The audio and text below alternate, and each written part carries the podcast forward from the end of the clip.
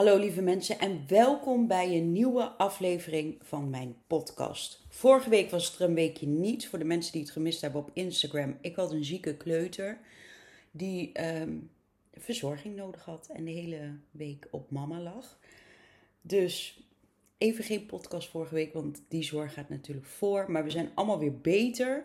Ik werd daarna ook ziek, dus het was helemaal, helemaal top hier in huis. Maar we zijn allemaal weer beter en we gaan er weer voor. Aflevering 27.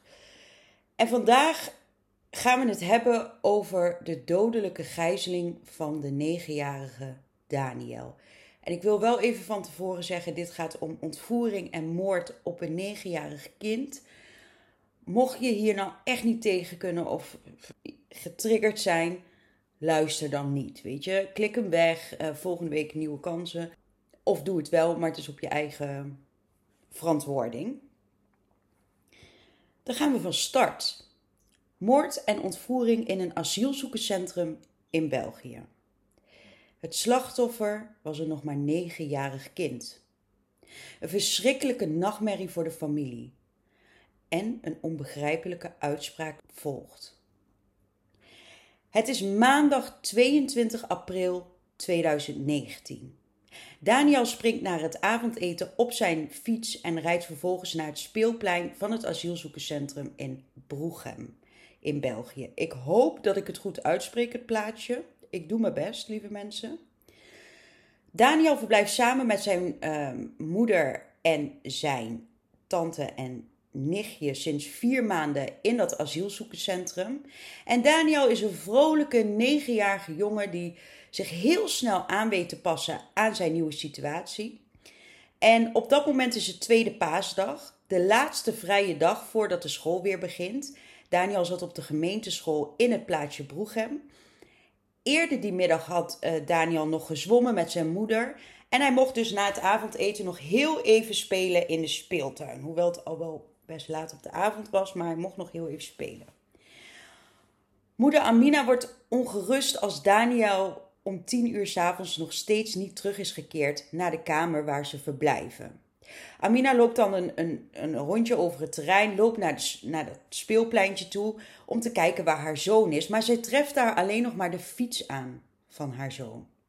Daniel zelf is nergens te vinden. Als moeder navraag doet aan een paar andere kinderen, vertellen ze dat ze Daniel voor het laatst hebben gezien met een jonge man, ene Ali.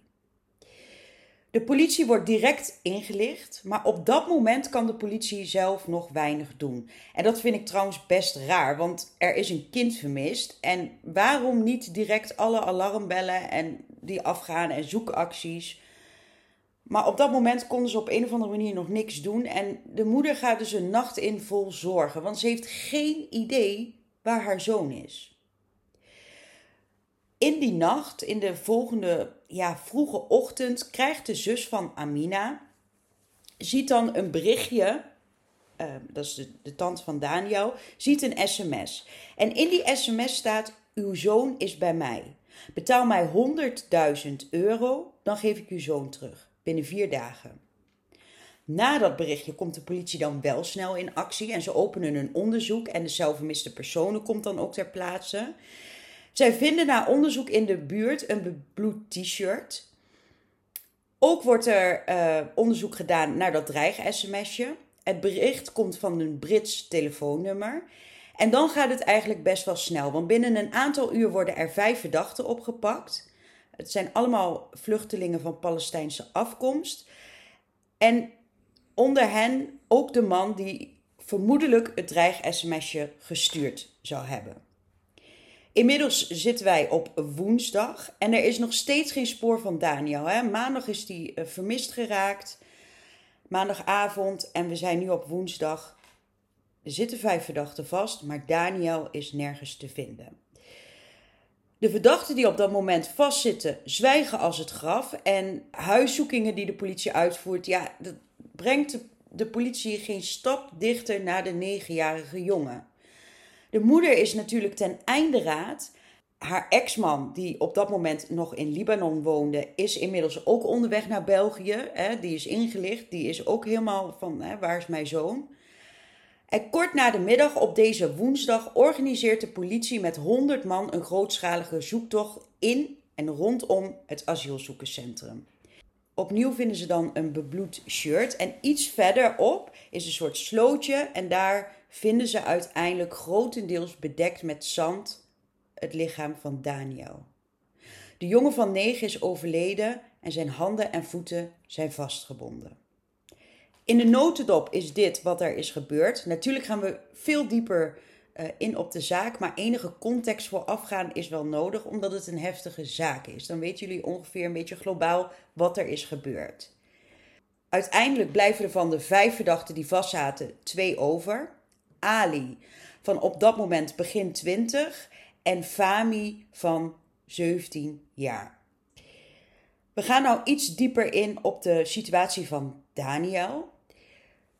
Daniel kwam met zijn moeder en zijn tante en zijn nichtje in oktober 2018 aan in België. Zijn moeder wilde een betere toekomst voor haar zoon en uh, voor zijn nichtje Malak. En eenmaal aangekomen in het asielzoekerscentrum in uh, België vond de familie aansluiting bij andere vluchtelingen uh, van Palestijnse afkomst. België was voor Amina een logische keuze, want haar broer woonde ook al 15 jaar in het land.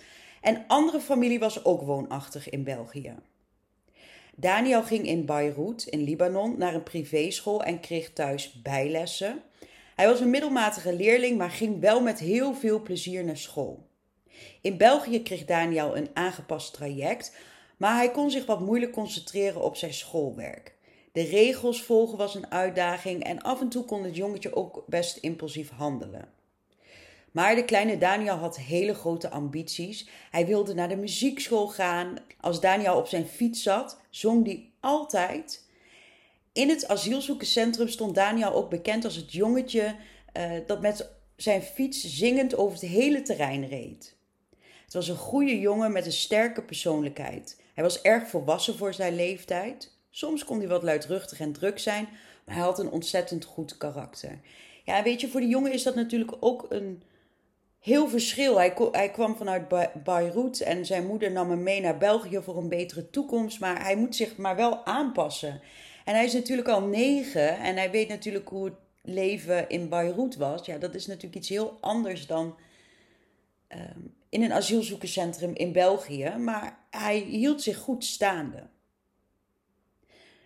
Dan wil ik even een kleine introductie van Ali en Fami, de verdachten die vastzitten. En het zijn nog echt jonge verdachten. Ali is een man die erg trots is. Hij doet zich beter voor dan dat hij eigenlijk is. Als je Ali bijvoorbeeld vraagt van, goh, hoe was je kindertijd, zegt hij altijd goed. En als je dan vraagt bijvoorbeeld van, hoe gaat je opleiding, zegt hij ook goed. Terwijl hij maar een paar jaar een opleiding had gevolgd en een merendeel had gespijbeld.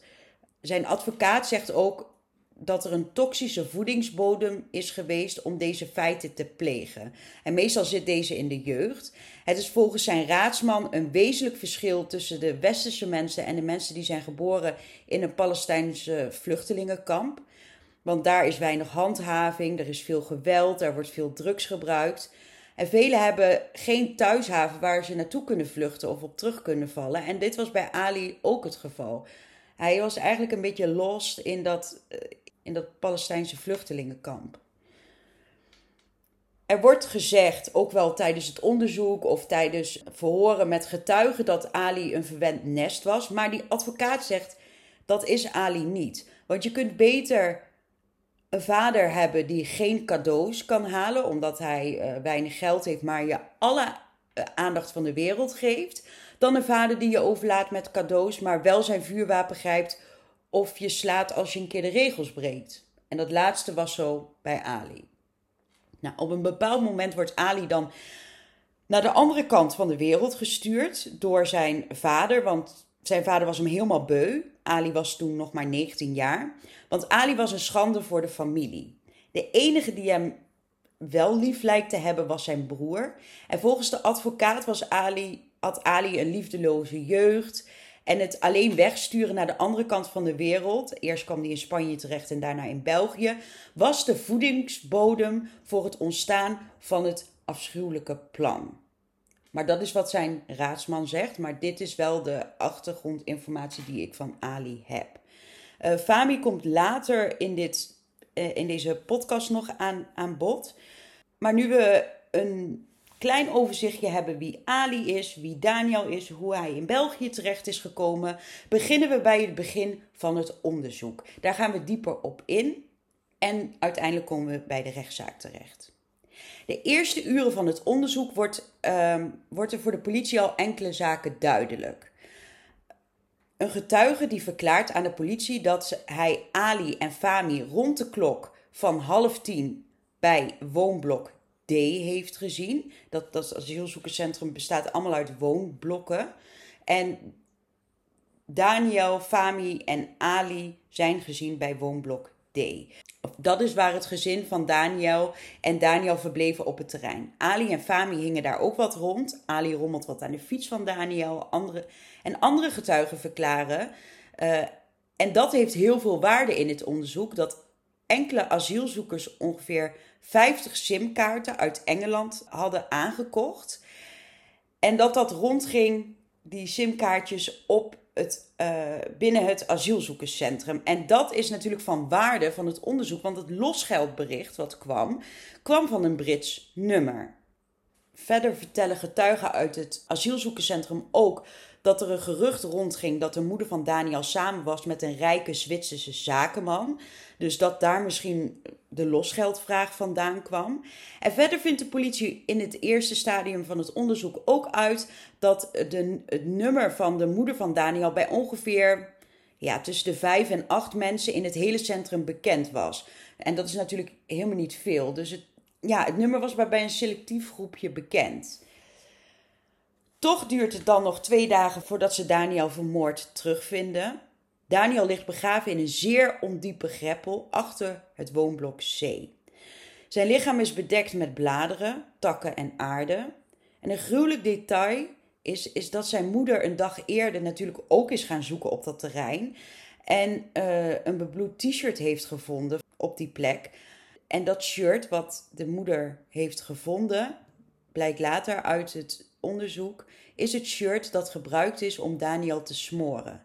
En deze lag nog geen drie meter van de plek waar uiteindelijk Daniel is gevonden. Je moet er toch niet aan denken dat die moeder haar eigen zoon had gevonden. Dat is echt verschrikkelijk. Uiteindelijk vindt een aspirant-inspecteur een, een hoopje aarde in die greppel. En de agent gaat dan heel voorzichtig met zijn voet een stukje van die aarde proberen aan de kant te doen. En dan komt de hand van Daniel tevoorschijn. Nou ja, goed, dan komt natuurlijk het hele circus. Dan wordt heel voorzichtig dat lichaam uitgegraven. En eigenlijk valt direct op dat het koord rondom de dat er een koord rondom de polsen van het kind zit. Zijn armen blijken te zijn vastgebonden aan zijn lichaam. En zijn benen en zijn zeer opvallende gele schoenen zijn in een vuilniszak gestopt en ook vastgebonden. Het is een gruwelijk verhaal, een gruwelijk beeld. Een jongetje, een kind dat vermoord wordt, zo begraven wordt. Nou, niet eens begraven, gewoon weggegooid. Dat is zo onmenselijk, dat is ongelooflijk. Op het moment dat Daniel gevonden werd, zaten Ali en Fami dus al vast in de cel met drie anderen. Die zijn uiteindelijk uh, vrijgelaten, maar ze zaten vast. En op dat moment ontkennen ze dat ze ook maar iets met de dood of met de verdwijning van Daniel te maken hebben. Ze gaven beide aan dat ze toevallig tegelijk vertrokken waren bij het asielzoekerscentrum die avond. Want er was uitgevonden dat, dat Fami en Ali na een bepaalde tijd s'avonds laat weg zijn gegaan bij, die asiel, bij dat asielzoekerscentrum. En dat was nadat Daniel vermist raakte. Maar zij zeggen, joh, dat is gewoon toeval. Maar eigenlijk wordt al heel snel duidelijk dat beide wel wat te maken hebben met de dood van Daniel. Want tijdens een rit naar het cellencomplex probeert een politieagent een gesprek in het politiebusje op te nemen. En dat lukt. En dat is een heel raar gesprek tussen Ali en Fami. En vooral omdat ze zeggen dat ze er niks mee te maken hebben. Ali zegt dan op een bepaald moment tegen Fami je moet je voorstellen, ze zitten uh, enkele dagen vast, uh, ze ontkennen. Maar op een gegeven moment zegt Ali dan tegen Fami: Ik was aan het proberen om naar jou te luisteren en ik dacht dat je me zou verklikken. Fami zegt dan: Er is geen enkel bewijs tegen ons. Je moet weten dat de politie belang hecht aan je houding en je handbewegingen en zo. Ali zegt dan: Ik weet het, maar ik heb niks fouts gezegd. Fami dan weer: Ze gaan wel voordoen met het onderzoek. Ali: Ja. En wat heeft dat met ons te maken? We zijn gered. Als wij vanuit hier weg kunnen gaan, betekent dat dat alles achter de rug is. Fami dan weer: En als hij, en daar bedoelt hij Daniel mee, daar lang blijft liggen, gaat hij ontbinden. Dan zegt Ali weer: Maar wat als ze hem gaan vinden? Fami weer: Dat kan me niet schelen. Laat ze maar doen, zolang wij maar niet als betrokken beschouwd worden. Nou, dit is natuurlijk wel een opmerkelijk gesprek. En hieruit kun je afleiden dat ze maar al te goed weten waar Daniel was en dat hij dood was. Uiteindelijk kan de politie na veel onderzoek en heel veel verhoren een tijdlijn opstellen van wat en wanneer er iets gebeurd is op de avond en de nacht van de feiten. Die tijdlijn ga ik even met jullie doornemen. Zoals we weten is Daniel die dag gaan zwemmen. En de familie van Daniel met Daniel komt rond half tien thuis in het asielzoekerscentrum. Op dat moment ehm, staan Ali en Fami te wachten bij woonblok D. Ongeveer 15 minuten na thuiskomst komt Daniel weer naar buiten uh, uit, dat, die woon, uit dat woonblok D. Hij gaat dan mee met Ali om uh, centjes op te halen die Ali het kind beloofd had. Op dat moment gaat Fami zijn sleutel ophalen in zijn eigen kamer, de sleutel van, van, ja, van de kamer. Hij ligt daar met een kamergenoot. En tussen half tien en tien wordt Daniel ontvoerd en uiteindelijk vermoord. Dat staat vast. Een van de belangrijkste getuigen verklaart dat er ongeveer een half uur tussen het moment zat waar Fami de sleutel kwam halen en het moment dat Fami en Ali die sleutel weer terugkwamen brengen. In dat half uur is Daniel ontvoerd en vermoord. Iets na tien uur stuurt Fami dan een WhatsApp-spraakbericht naar zijn vriend Said om te vragen of ze daar mogen blijven slapen. Said woont in Antwerpen. Nou, dat kon. De twee nemen de bus naar de stad. De vraag blijft waarom de twee uiteindelijk dat losgeldbericht hadden gestuurd, terwijl Daniel al dood was.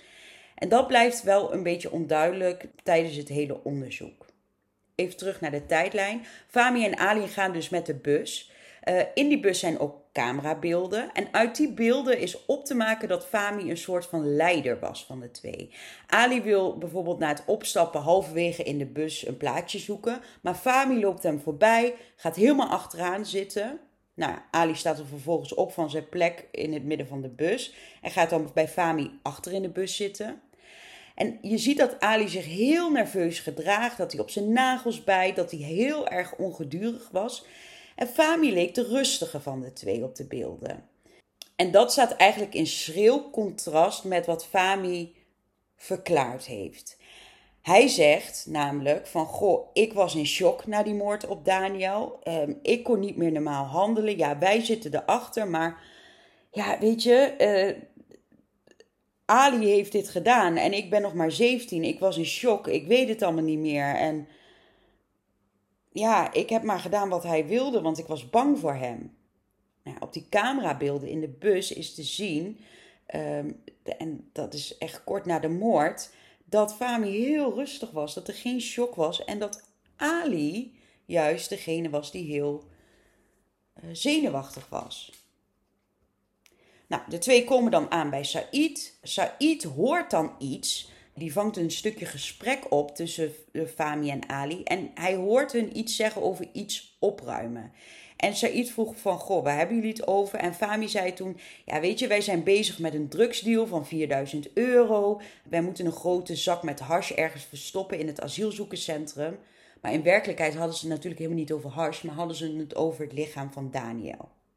Er wordt ook in het onderzoek gezegd, en dat zegt Ali zelf, dat Ali ongeletterd is. Hij is analfabeet en hij zegt maar zo: joh, ik heb dat losgeldbericht niet gestuurd. Dat heeft Fami gedaan. Eigenlijk geven Ali en Fami elkaar de schuld van de moord op Daniel. Ze zeggen dat ze er allebei bij waren, maar ze hebben het allebei niet gedaan. De politie wil ook weten van, goh, wie heeft dat losgeldbericht gestuurd? En Ali zegt, ja, luister, ik ben analfabeet. Ik kan niet lezen, ik kan niet schrijven. Ik heb dat niet gedaan. En rondom dat onderzoek zijn daar heel veel twijfels over of Ali daadwerkelijk ongeletterd is. Want de advocaten, ik denk van de burgerlijke partij, die zeggen van god, er is huiszoeking gedaan uh, op, de, hè, op de kamer van Ali of op de plek waar Ali verbleef.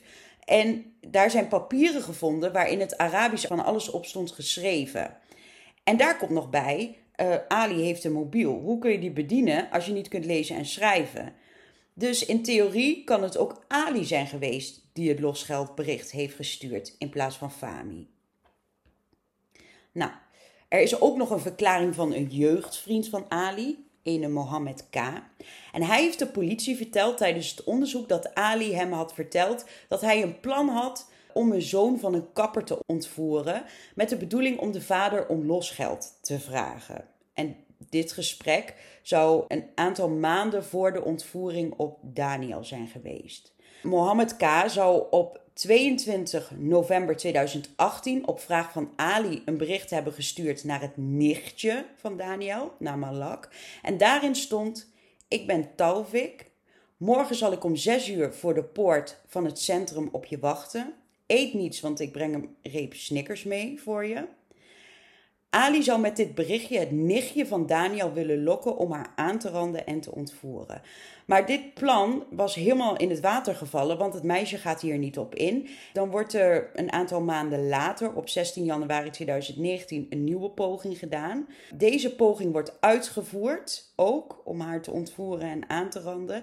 En de dader bleek een kamergenoot van Ali te zijn op dat asielzoekerscentrum.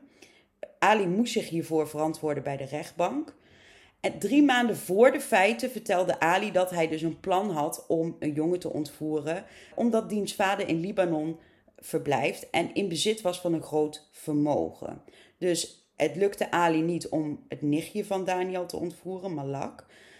Dus was het nieuwe slachtoffer Daniel. Ali was dus uit op een som geld. Ook loog Ali over de vingerafdrukken die de politie zou aantreffen op het witte shirt dat gebruikt is om Daniel te verstikken. Dat shirt hebben ze natuurlijk kort voordat ze Daniel vonden gevonden. En eerst verklaart Ali dat hij dat shirt niet heeft aangeraakt. Later moest hij wel bekennen dat hij dat shirt op het dak had gegooid, want zijn vingerafdrukken worden daadwerkelijk gevonden op dat shirt.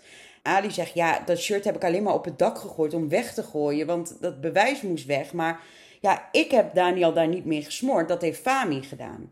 Maar er worden nog meer vingerafdrukken van Ali gevonden. Namelijk ook op de vuilniszak die om de benen van het jongetje zaten. Niet alleen Ali wordt verhoord. Fami wordt ook verhoord. Hij is de jongste van de twee. En hij laat zijn eigen licht schijnen over de feiten en wat hij ermee te maken heeft. Althans, zijn eigen verklaringen. we kennen nou ongeveer een beetje de verklaringen van Ali. Die zegt: joh, ik was daarbij. Maar het was Fami's uh, idee. Hij heeft Daniel vermoord. En uh, ja, ik, uh, ja, ik heb er weinig mee te maken. Ik heb hem wel geholpen nadien, maar ja. En Fami die zegt het volgende uit zijn eigen verklaring. Op het moment van de feiten was Fami dus pas 17 jaar. En hij verklaart dat Ali degene was die het plan had om Daniel te ontvoeren. Ali mocht trouwens uh, niet meer in België zijn, want zijn asielaanvraag was afgewezen. Hij is dus ook uit dat asielzoekerscentrum gezet. Maar Fami die liet hem af en toe bij hem nog stiekem slapen op zijn kamer. En Fami zegt: Ja, luister. Ik heb voor Ali alle spullen verzameld die hij nodig had voor de moord op Daniel. Dat moest ik doen, want Ali kon geen Engels en hij mocht eigenlijk niet meer op dat eh, in dat asielzoekerscentrum zijn. Dus ik ben de spullen gaan halen. Ik heb de vuilniszak uit de keuken gehaald. Want ik kon communiceren met dat personeel. En verder zegt Fami, ik heb ook geholpen met het lossnijden van de touwen van een voetbalgoaltje. Want die hadden wij nodig om de plastic zakken dicht uh, te strikken. Fami verklaart hoe Ali Daniel meelokte naar het terrein achterblok C. Ze hebben Daniel meegelokt door hem te vertellen dat er op die plek centjes begraven lagen voor hem. Fami zegt dat hij nog even terugging naar zijn kamer om die sleutel op te halen en dat hij zich daarna zou aansluiten bij Ali en Daniel. En Fami zegt: Toen ik uit die kamer kwam en naar buiten ging, zag ik dat Ali met zijn knieën bovenop iemand zat. En toen ik beter keek, zag ik dat het Daniel was. Hij had bloed op zijn gezicht, hij had bloed rondom zijn neus. Fami loopt daar dan naartoe en hij luistert of Daniel nog geluid maakte, maar Fami zegt: Het bleef stil. Op dat moment zijn de handen en de voeten van het kind al vastgebonden. Dus dat zou Ali dan al hebben gedaan. En Fami beweert dat hij ja, die touwen probeerde los te maken. Maar Ali zou hem dit hebben verboden om nog verder te gaan met dat loshalen. Hij moest dat zo laten. En dan vraagt de politie op een gegeven moment ook van... Goh, heb jij dan dat losgeldbericht gestuurd? Want uh, Ali is ongeletterd. Die is die zegt dat hij analfabeet is. Fami zegt dan dat hij dat echt niet heeft gedaan. Het bericht was in het Engels. In de eerdere verklaring heeft hij natuurlijk gezegd dat hij Engels kon en Ali niet. Bovendien is Ali dus ook ongeletterd. En een andere vraag die voortvloeit uit dit verhaal is: waarom heeft Fami, als hij zo in shock was en dit niet had gewild, geen hulp gehaald? Dat vragen ze ook aan hem. En Fami zegt dan weer op zijn beurt: Ja, ik was pas 17, geen idee, ik was in shock. En ik vraag mij iedere dag af waarom ik niet anders heb gehandeld dan dat ik toen heb gedaan. In de verhoren van Ali wijst hij juist weer naar Fami. Het plan kwam van Fami. Fami en Ali hebben dus al, hadden al dagenlang voorafgaande feiten gepraat over dit plan. En het verhaal om Daniel te lokken dat er centjes lagen begraven op de plek waar de moord is gepleegd, die kwam wel van Ali, bekent hij. Maar Fami bedacht dat ze 100.000 euro losgeld zouden vragen. En Ali verklaart verder dat hij het plan had om Daniel vier dagen lang vast te houden. Dat ze hem zouden opsluiten in een houten hutje die de twee hadden gevonden uh, op dat terrein. Dat was hun oorspronkelijke plan. Maar uiteindelijk vonden ze dat hutje niet veilig genoeg. En hebben ze een garage gevonden buiten het asielzoekerscentrum. Tenminste, Fami had die garage gevonden, want Ali had die garage zelf nooit gezien. Nou ja, deze de garage ligt, zoals ik al zei, buiten het asielzoekerscentrum. Er zijn allemaal hekken en poorten. En ze zouden Daniel dan vastgebonden met z'n tweeën over het hek van het terrein willen gooien en dan meenemen naar de garage. Ja, dat is natuurlijk een heel raar plan. Helemaal niet goed over nagedacht als ze dat van plan waren geweest, was het hun ook niet onopgemerkt gelukt. Ali zegt op zijn beurt weer dat hij niet achter de deur stond om Daniel op te wachten, maar dat Fami dit was. Dat Fami Daniel overmeesterde toen hij de centjes wilde opgraven. En Fami Daniel toen is beginnen te wurgen. Hij ging toen met zijn knieën op zijn borst zitten, zette zijn handen op zijn keel, drukte een wit t-shirt in zijn mond. En Ali schrok naar eigen zeggen en uh, riep dat Fami moest stoppen, maar toen was het al te laat.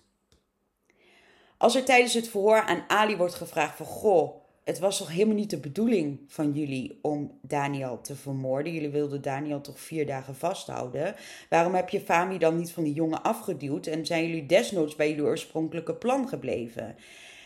En Ali zegt dan ja, ik heb daar niet meer aan gedacht. Het was de eerste keer dat ik zoiets zag en ik kon niet meer normaal bewegen.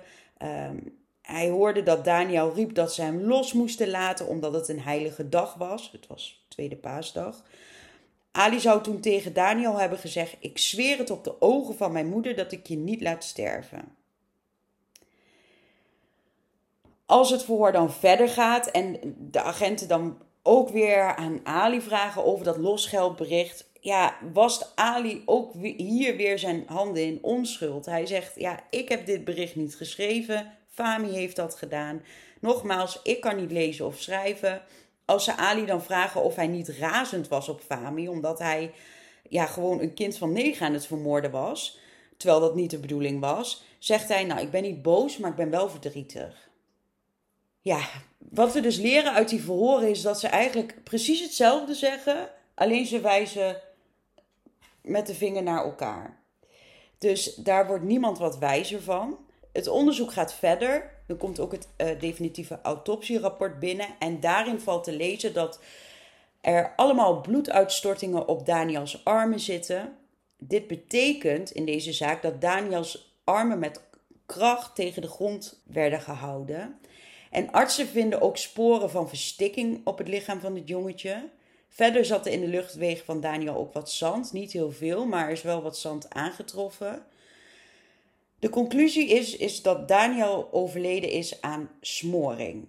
Uh, mogelijk is, hij, uh, is zijn gezicht in het zand geduwd, maar het kan ook zijn dat zijn uh, neus en mond zijn afgesloten door een hand of een t-shirt. En dat laatste lijkt meer in de lijn der verwachtingen. Dat er niet zoveel zand is aangetroffen in, in de luchtwegen dan als, er echt, als Daniel echt met het hoofd in het zand geduwd zou zijn, dan zou je meer zand in de luchtwegen vinden. Dus smoring, sticking met een t-shirt lijkt het aannemelijkste te zijn in deze zaak. Smoring is wel iets anders als wurging. Dit heeft ook impact op de doodstrijd. Als een slachtoffer wordt gewurgd, krijgt deze uiteindelijk een hartstilstand. Dit kan een halve minuut tot een minuut duren. Dat gaat relatief snel. Maar smoring is echt wel iets anders, omdat er geen druk of geweld op de hals wordt toegepast. Uiteindelijk stikt een slachtoffer door smoring, maar dat kan wel even duren. De meeste mensen kunnen ongeveer, als je heel erg je best doet, tot een minuut, hè, als het echt moet, hun adem inhouden. Dus je kunt begrijpen dat smoring veel langer duurt. Uiteindelijk, als het slachtoffer met smoring bijna gestikt is, komt er bloed uit, uit zijn of haar mond. Dat is meestal na enkele minuten, meestal twee of drie minuten. En dat komt omdat je hard zuurstoftekort krijgt. Het bloed wordt dan niet meer goed rondgepompt en dat hoopt zich dan op in de longen. Daarom ook het bloed wat gevonden is op dat witte shirt. Wat ook een naar detail is, is dat bij smoring je een deel bewust meemaakt. Daniel zou volgens de patholoog ongeveer een minuut van de smoring bewust hebben meegemaakt. Zoals ik al vertelde, uh, is er ook DNA gevonden. Dat haalde ik straks al even aan in die verhoren met Ali. En het NIC doet hierna onderzoek in België. Dat is een soort NFI van België. Op het t-shirt van Daniel is bloed gevonden. Dit bloed is afkomstig van Daniel, maar er is ook een mengprofiel op dat t-shirt gevonden. En dit is een combinatie van DNA. En dit DNA was afkomstig van Daniel en van Ali. Het NIC schrijft in haar rapport ook de rol van Ali in het geheel aan de hand van het gevonden DNA op Daniel, op de vuilniszakken en op het t-shirt. En het NIC zegt, Ali heeft waarschijnlijk de voeten van Daniel vastgebonden, uh, waarbij hij mogelijk geknield zat. Maar hij liet toen los toen er bloed op zijn witte polo zat. Daarna heeft hij misschien op verzoek van Fami de touwen uh, en de vuilniszak uh, aangegeven en de voeten van Daniel in die zak gestoken. Ali heeft Daniel helpen begraven en heeft toen het witte t-shirt op het dak gegooid.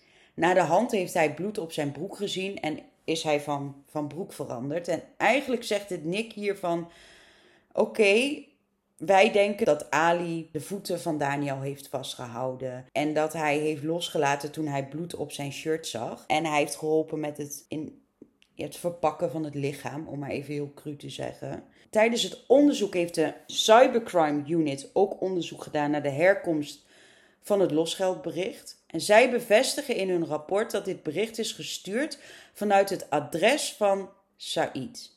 Dat is die vriend waar Ali en Fahmi de nacht na de moord hebben overnacht. En dit was een, hè, een adres in Antwerpen-Zuid.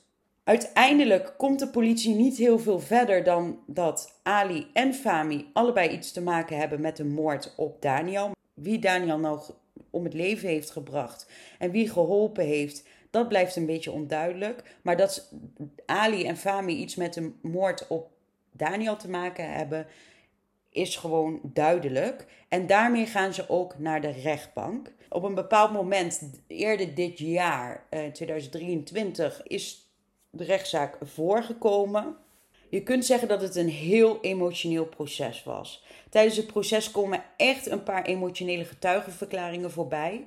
De vader van Daniel, Mahmoud, die komt naar België om het proces bij te wonen en een verklaring af te leggen in de rechtbank. En Mahmoud vertelt daar eigenlijk dat zijn ex-vrouw Amani in 2018 plots aankondigde om met hun zoon Daniel naar België te vertrekken. En Mahmoud zegt van ja, wij waren toen op dat moment al enkele jaren gescheiden. En ja, ik vond het in de eerste instantie geen goed idee dat, dat moeder kind mee zou nemen. Hij wordt uit zijn veilige omgeving getrokken. Maar toen Amani vertelde dat ze eigenlijk gewoon een betere toekomst voor, voor Daniel wilde, is vader akkoord gegaan.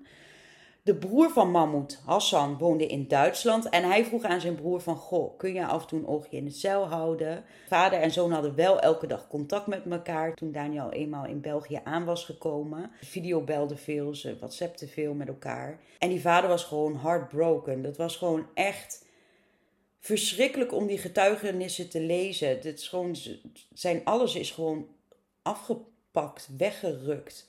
En dat is heel, heel heel zwaar voor de vader. Ik realiseer mij nu dat ik in het begin van de podcast Amina zei. Daarvoor mijn excuses, want de moeder van Daniel heet Amani. Dus mijn excuses voor deze fout. Amani, de moeder van Daniel, kwam ook getuigen in de rechtbank en dat was ook een erg emotioneel relaas. Zij wordt begeleid door iemand van slachtofferhulp en een tol. Amani begint aan haar getuigenis met een vraag van de voorzitter. Want hoe zit dat met die centjes die Ali Daniel had beloofd? Had hij dit misschien al eerder beloofd aan het kind? En zij zegt hierover: Ali heeft sinds december 2018 Daniel centjes beloofd, maar deze heeft Daniel nooit gekregen. En elke keer zei hij dat, maar ja, ook deze avond weer. En Daniel die wilde, die dacht: Nou krijg ik ze echt. Uh, Daniel had een spaarpotje. En kreeg hij geld of vond hij geld, stopte hij altijd al het geld in dat spaarpotje. En moeder Amani had ook een foto meegenomen van dit spaarpotje van haar zoontje. En dat is natuurlijk heel erg cru dat, dat Ali en Fami dit hebben gebruikt om dit jongetje te lokken en daarna te vermoorden. Nou, zij vertelt ook over haar aankomst in België, dat ze een betere toekomst voor Daniel wilde. En dat het niet makkelijk was om vanaf Libanon naar België te komen. Maar toen ze eenmaal hier waren, ja, gingen ze er helemaal voor. Daniel werd gelijk ingeschreven op een basisschool. Amani kreeg een arbeidskaart, dus ze mocht gaan werken. Ze haalde ondertussen ook een diploma schoonheidsspecialiste. Een anderhalve maand na hun aankomst in België was moeder al aangemeld voor een inburgeringscursus, eh, voor een sportclub. En Amina wilde echt naar de toekomst kijken, vooruitkijken, haar schouders onder het nieuwe leven zetten, samen met haar kind. En ze vertelde ook eigenlijk, ja, Daniel kon goed met iedereen in het asielzoekerscentrum omgaan. In de eerste instantie woonden moeder en zoon in blok C. Daar woonde ook de broer van Ali en zijn familie. Dus de families zeiden elkaar gedag als ze elkaar tegenkwamen. En er was een zekere vriendschapsrelatie tussen de twee families. Ze kwamen ook regelmatig bij elkaar over de vloer. Vooral de schoonzus van Ali had moeder Amani een goede band mee. Met Fami, ja, die kenden ze niet, had ze niet echt contact mee. Ze begroeten elkaar wel, maar hij zat op een andere afdeling, want hij zat tussen de minderjarigen. Verder vertelt ze ook over de bewuste dag van de feiten. Dat ze gingen zwemmen en dat ze om negen uur terugkwamen. Dat ze nog een broodje had gekocht voor Daniel. En daarna, een, een kwartiertje later, besloot Daniel nog even met zijn fietsje over het terrein heen te fietsen. En tussendoor kwam hij nog wel even terug en zei hij tegen zijn moeder van... Ik krijg nu echt centjes van Ali, eh, ik ga ze nu ophalen. Het moment dat Daniel bij zijn moeder kwam om te zeggen dat hij centjes van Ali kreeg, was het allemaal een beetje hectisch bij die moeder. Want de schoonzus van Ali was op dat moment bij moeder Armani. En zij was erg overstuur, want ze was geslagen door de broer van Ali, dus haar man. En op dat moment was ze zwanger en Armani probeerde die vrouw te kalmeren. Tussendoor kwam Daniel nog om te zeggen dat hij centjes had van dat hij centjes kreeg van Ali. Dus het was allemaal heel, ja, warrig. Maar op een gegeven moment werd het tien uur en toen begon uh, Amani zich wat zorgen te maken dat Daniel nog niet terug was. En de zus van, ehm, van de moeder van Daniel, dus de tante van Daniel, uh, ja, die kwam naar haar kamer om die, die, die schoonzus van Ali een soort van over te nemen en kalm te houden. En moeder ging dus op zoek naar Daniel, want hij moest de volgende dag ook gewoon weer naar school. En kort daarop vindt zij dus die fiets van Daniel vlakbij blok C. Daniel was nergens te bekennen. En om drie uur in de nacht kreeg ze dus uiteindelijk dat losgeldbericht op haar mobiel. zij zegt ook van ja, ongeveer vijf, tussen de vijf en acht mensen in dat asielzoekerscentrum hebben mijn nummer. En de schoonzus van Ali heeft ook mijn nummer. Nou, het verhaal ging natuurlijk in dat centrum dat de moeder een verhouding had met een Zwitser die heel veel geld had. En het ging ook rond dat de vader van Daniel ook aardig wat geld had. En Amina zegt daarover dat ze in, dit, in die tijd inderdaad een vriend had. Dat het een autohandelaar was die veel zaken deed tussen België en Zwitserland. Ja, de vriend die kwam ook al wel een aantal keer naar het centrum om Amani te bezoeken. Maar over geld en hoeveelheid geld haar vriend had of haar heks heeft, daar reageert ze niet op. Want ze zegt ja, dat is gewoon privé. Ook verklaart Amina over haar nichtje Malak. Al eerder noemde ik haar in deze aflevering. En ook dat zij gebeld werd om. Ja, dat zij eh, een sms'je kreeg, dat ze gebeld werd, dat er een ontvoeringspoging is gedaan uh, bij dat nichtje.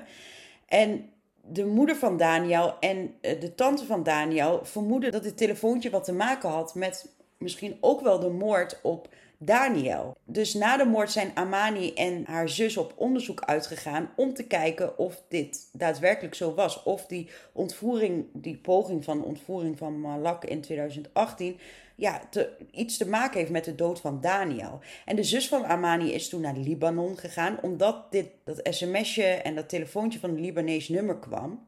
Die zus van Amani is dus naar Libanon gegaan om onderzoek op te starten naar de herkomst van dat telefoontje. En de zussen hebben ook een Facebookgroep opgestart. En een van die mensen die daarin zat was ene El Franco.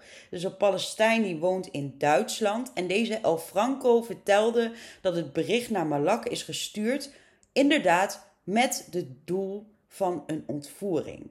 Nou, die moeder van Daniel weet contact te leggen met deze El Franco. En dat bleek dus een jeugdvriend van Ali te zijn.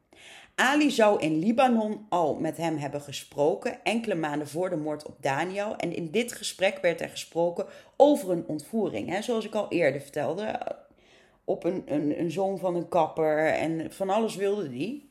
Verder vertelt de moeder ook hoe het nu met haar gaat. Ze heeft tijdens de rechtszaken nog steeds uh, psychische behandelingen.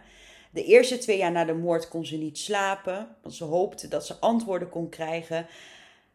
Maar ze kon ook eigenlijk niet geloven dat haar zoon echt vermoord was. En ze hoopte dat hij terug zou komen. En de eerste twee jaar is ze ook niet.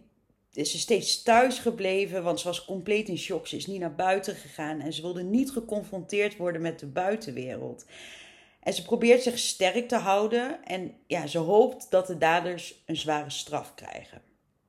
Ook de tante van Daniel komt uh, getuigen, de zus van Amina. Die tante vertelt dat ze Ali en Fami uh, als vrienden van haar beschouwde, omdat ze uit dezelfde gemeenschap kwamen. Ali en Fami waren heel veel samen. En Daniel speelde met iedereen, dus ook met Ali. Ze woonden allemaal in blok C. Later verhuisden Amani en Daniel naar een ander blok, namelijk naar blok D. Omdat de blok C waar ze zaten, dat was niet zo'n heel fijn blok. Dat waren niet hele fijne mensen. Dus ja, voor de veiligheid gingen ze verhuizen naar blok D. Verder legde ze nog uit wat Daniel voor haar betekende. Ze vertelde dat het jongetje een deugniet was, maar langzaam veranderde het kind naar een jonge man. Hij had een sterke persoonlijkheid en ze was heel blij dat hij in België naar school ging en dat hij daar goed bezig was om de talen te leren. Na de getuigenissen van de familie komt ene Mohammed A, alias de Chinees getuige. De Chinees is zijn bijnaam en hij zat samen met Fami op een kamer. In deze aflevering noem ik deze Mohammed bij zijn bijnaam, omdat hier meerdere Mohammeds in deze zaak voorkomen, dan raken we niet in de war. De Chinees vertelt dus in zijn getuigenis dat hij wist dat Ali op een bepaald moment het bevel had gekregen om het land te verlaten. Maar hij had dat dus niet gedaan. En familie die nodigde Ali elke keer op hun kamer uit om ja, daar te blijven, blijven slapen. En dit was ook zo de nacht voor de moord. De Chinees verklaart verder over de dag van de moord wat hij gedaan had. En dat hij op een bepaald punt op die dag Ali en Fami samen heeft gezien. En dat ze bezig waren een stuk uit het voetbalnet weg te snijden. En hij vroeg: Goh, van, waarom doen jullie dit? Waarom vernielen jullie het, het, het, de goal? En Ali zei dat, uh, tegen de Chinees dat hij dat touw nodig had om vuilniszakken dicht te knopen. S'avonds komt Fami dus op die kamer die sleutel halen. Een tijdje later komen Ali en Fami weer terug, samen die sleutel terugbrengen. Daar zit ongeveer een half uurtje tussen. En op dat moment dat ze die sleutel terugkwamen brengen, zei de Chinees van, ja, ze waren toen ineens heel gespannen. Ze wilden ook beide direct weg van het centrum om bij een vriend elders te overnachten. En als de rechter hem dan vraagt van, goh, hoe beschrijf jij Fabi? Vertelt hij dat Fabi en hij contact hadden als kennissen. En dat dit contact eigenlijk altijd goed was. En dat hij nooit had kunnen bedenken dat Fami tot zoiets in staat was. Maar hij zegt wel, het ging wel slechter met Fami. Want hij verwaarloosde zichzelf wel geregeld. En ja, hij gebruikte ook best wel veel drugs. Was soms dagenlang weg uit het centrum. En wat de Chinezen opviel was dat toen Fami veel met Ali begon op te trekken, dat, ja, dat het toen slechter begon te gaan met Fami dat hij zich toen ook meer begon te verwaarlozen. Dus eigenlijk stelt hij dat Ali een verkeerde invloed had op Fami. Ook Mahmoud K. komt getuigen. Hij was in het onderzoek ook een belangrijke getuige, want hij vertelde destijds dat hij dacht dat Ali betrokken was bij de ontvoering van Daniel. K. woonde al een hele tijd in dat asielzoekerscentrum. Persoonlijk vond hij, zoals ik net ook al zei, dat er hele gevaarlijke mensen in, in dat blok C woonden. Het blok waar Ali woonde. Mensen waren daar een beetje met loesje zaken bezig. En die avond, de avond van de moord, zag hij een losgeldbericht. K herkent het nummer waarmee dit bericht was gestuurd, want het was een van die simkaarten die hij verkocht had binnen dat centrum. Ali had er zo'n eentje bij hem gekocht. En dat is niet alles. Een aantal maanden voor de moord op Daniel had Ali Mahmoud K. een pistool aangeboden. Het wapen kostte 1700 euro. Nou, Mahmoud K. heeft dit niet gedaan omdat hij de zaak niet vertrouwde. Maar je kunt wel zien uit die getuigenverklaring dat Ali met loesje zaken bezig was in dat asielzoekerscentrum. Ook de oom van Ali komt getuigen. Want dit is wel interessant dat ook de familie van de verdachte wat komt vertellen. Ja, we zitten hier natuurlijk met, met mensen die gevlucht zijn, die in een asielzoekerscentrum zitten. Uh, in het geval van Ali en Fami zijn ze er een soort van alleen. De broer van Ali was wel mee, maar goed, blijkt ook niet zo'n goede man te zijn. Dus ja, heel veel familie heb je niet. En eh, normaal zien wij natuurlijk in moordzaken dat de hele families komen getuigen over hoe een, een verdachte in de kindertijd was en uh, daarna en tijdens de moord of rondom de moord. Dat is hier allemaal wat moeilijker. Maar er is dus wel een oom van Ali die komt getuigen. Amer, zo heet de oom van Ali, woont op dat moment al 18 jaar in België. En volgens Amer was het niet de reden dat Ali naar België kwam hoor. Want hij wist verder ook helemaal niet dat zijn neefje naar België zou komen. Hij wist pas dat zijn neefje weg was uit het land van herkomst toen hij in Spanje was. En toen hoorde hij ook dat zijn neefje naar België onderweg was. Maar veel over de thuissituatie, hoe dat was op dat moment, kon Amer niet veel vertellen. Want hij had heel weinig contact met dat deel van de familie. Hij wist wel dat de vader van Ali altijd een wapen in huis had. En ja, maar op een bepaald moment besluit uh, Amer dat hij het contact met Ali en zijn familie wil stoppen. Want Amer hoorde over een incident waarbij Ali had geschoten op een zesjarig meisje. Zij stierf uiteindelijk aan haar verwondingen. Dat gebeurde in Libanon. En voor Amer was echt de maat vol en wilde hij geen contact meer met dat deel van de familie. Heel veel meer van de huidige Ali kon Amer ook niet vertellen, omdat hij niet veel contact had met zijn neefje. Hij weet wel dat uh, Ali best naïef en beïnvloedbaar is. Uh, hij is weinig onderlegd. Hij denkt dat hij een grote meneer is. Maar in werkelijkheid is hij heel is een heel klein mannetje dat niks kan. Al dus de eigen oom over Ali. Een andere Mohammed die ook in dat centrum uh, zat, komt ook getuigen. En hij zegt ja, Ali en Fami zijn dikke vriendjes. Ze waren eigenlijk altijd samen, maar kort voor de dood van Daniel gingen de twee wel wat met elkaar anders om, wat vreemd. Ja, ze gingen ineens eh, heel veel drugs gebruiken samen. Ze handelden ook samen daarin. En ja, Mohammed zegt, Ali was echt wel de dominante van de twee. Ali beval Fami dat hij bijvoorbeeld eten en drinken voor hem moest halen. Nou, en Fami deed dat. Want Ali was natuurlijk uit dat centrum gezet. Maar ja, hij moest wel eten en drinken, want hij stond op straat. En hij was niet van plan om terug te gaan naar Libanon. En Fami die deed maar alles wat hij zei. Uh, jatte eten en drinken voor, voor Ali. Ja, en, en, en Mohammed zegt, Fami was eigenlijk een meeloper. Als ik hem zo moet beschrijven. Dan komt ook de directrice van het asielzoekerscentrum aan het woord. Riet heet zij. Op het moment van de moord op Daniel was zij daar directrice. Toen zaten daar ongeveer 325 mensen in dat asielzoekerscentrum. En op de vraag hoe het verblijf van Ali en Fami binnen dat centrum was, vertelt Riet dat ze dat moeilijk vindt. Want ze zegt: Ja, weet je, met echte probleemmakers had ik heel vaak contact. Had ik heel vaak gesprekken mee. Maar met Ali was dat niet zo, of tenminste niet heel veel, uitzonderlijk veel gesprekken. Met Fami heb ik meer gesprekken gehad, maar dat ging eigenlijk over zijn spijbelgedrag. Dus ze zegt, ja, ik heb dit niet kunnen vermoeden dat zij tot dit in staat waren. Nou, dan komt er heel langzaam een einde aan het proces van de moord op Daniel. De jury moet beslissen, zijn Ali en Fami schuldig? Wie heeft wat gedaan en wat wordt hun straf? En voor de jury lijkt me dit heel moeilijk, want je krijgt van allerlei getuigenissen, iedereen die zegt wat. Het verdriet is enorm groot. Er is een kind van negen vermoord. De ouders zijn ontzettend emotioneel. De familie van Daniel komt getuigen, papa, mama, tante, nichtje. Ehm, die, die, die zijn helemaal verscheurd van verdriet. Um, er komen allerlei mensen uit dat asielzoekerscentrum uh, getuigen.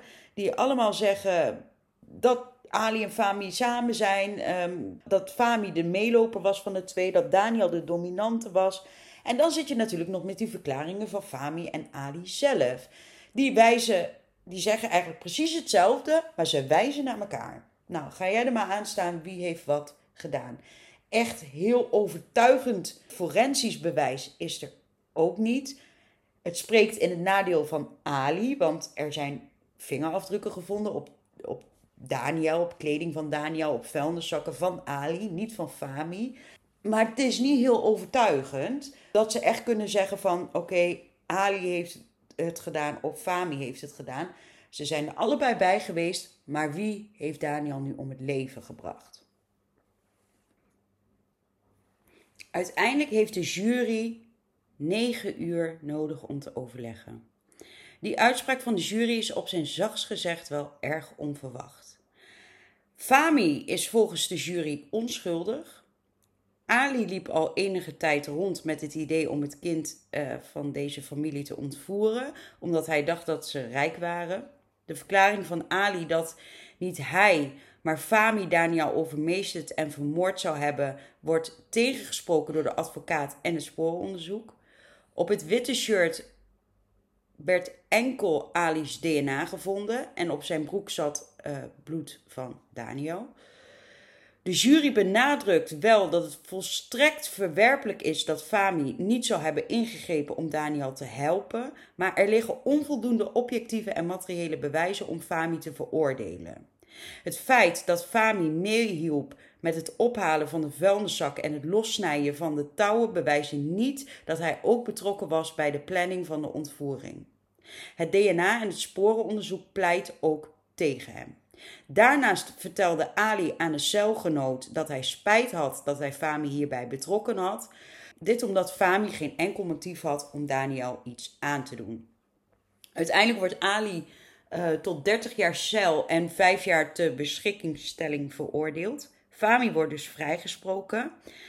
Hij verblijft nog wel een tijdje in de jeugdgevangenis voor zijn eigen veiligheid. Uh, hij had heel veel bedreigingen ontvangen, uh, ook zijn familie in Libanon.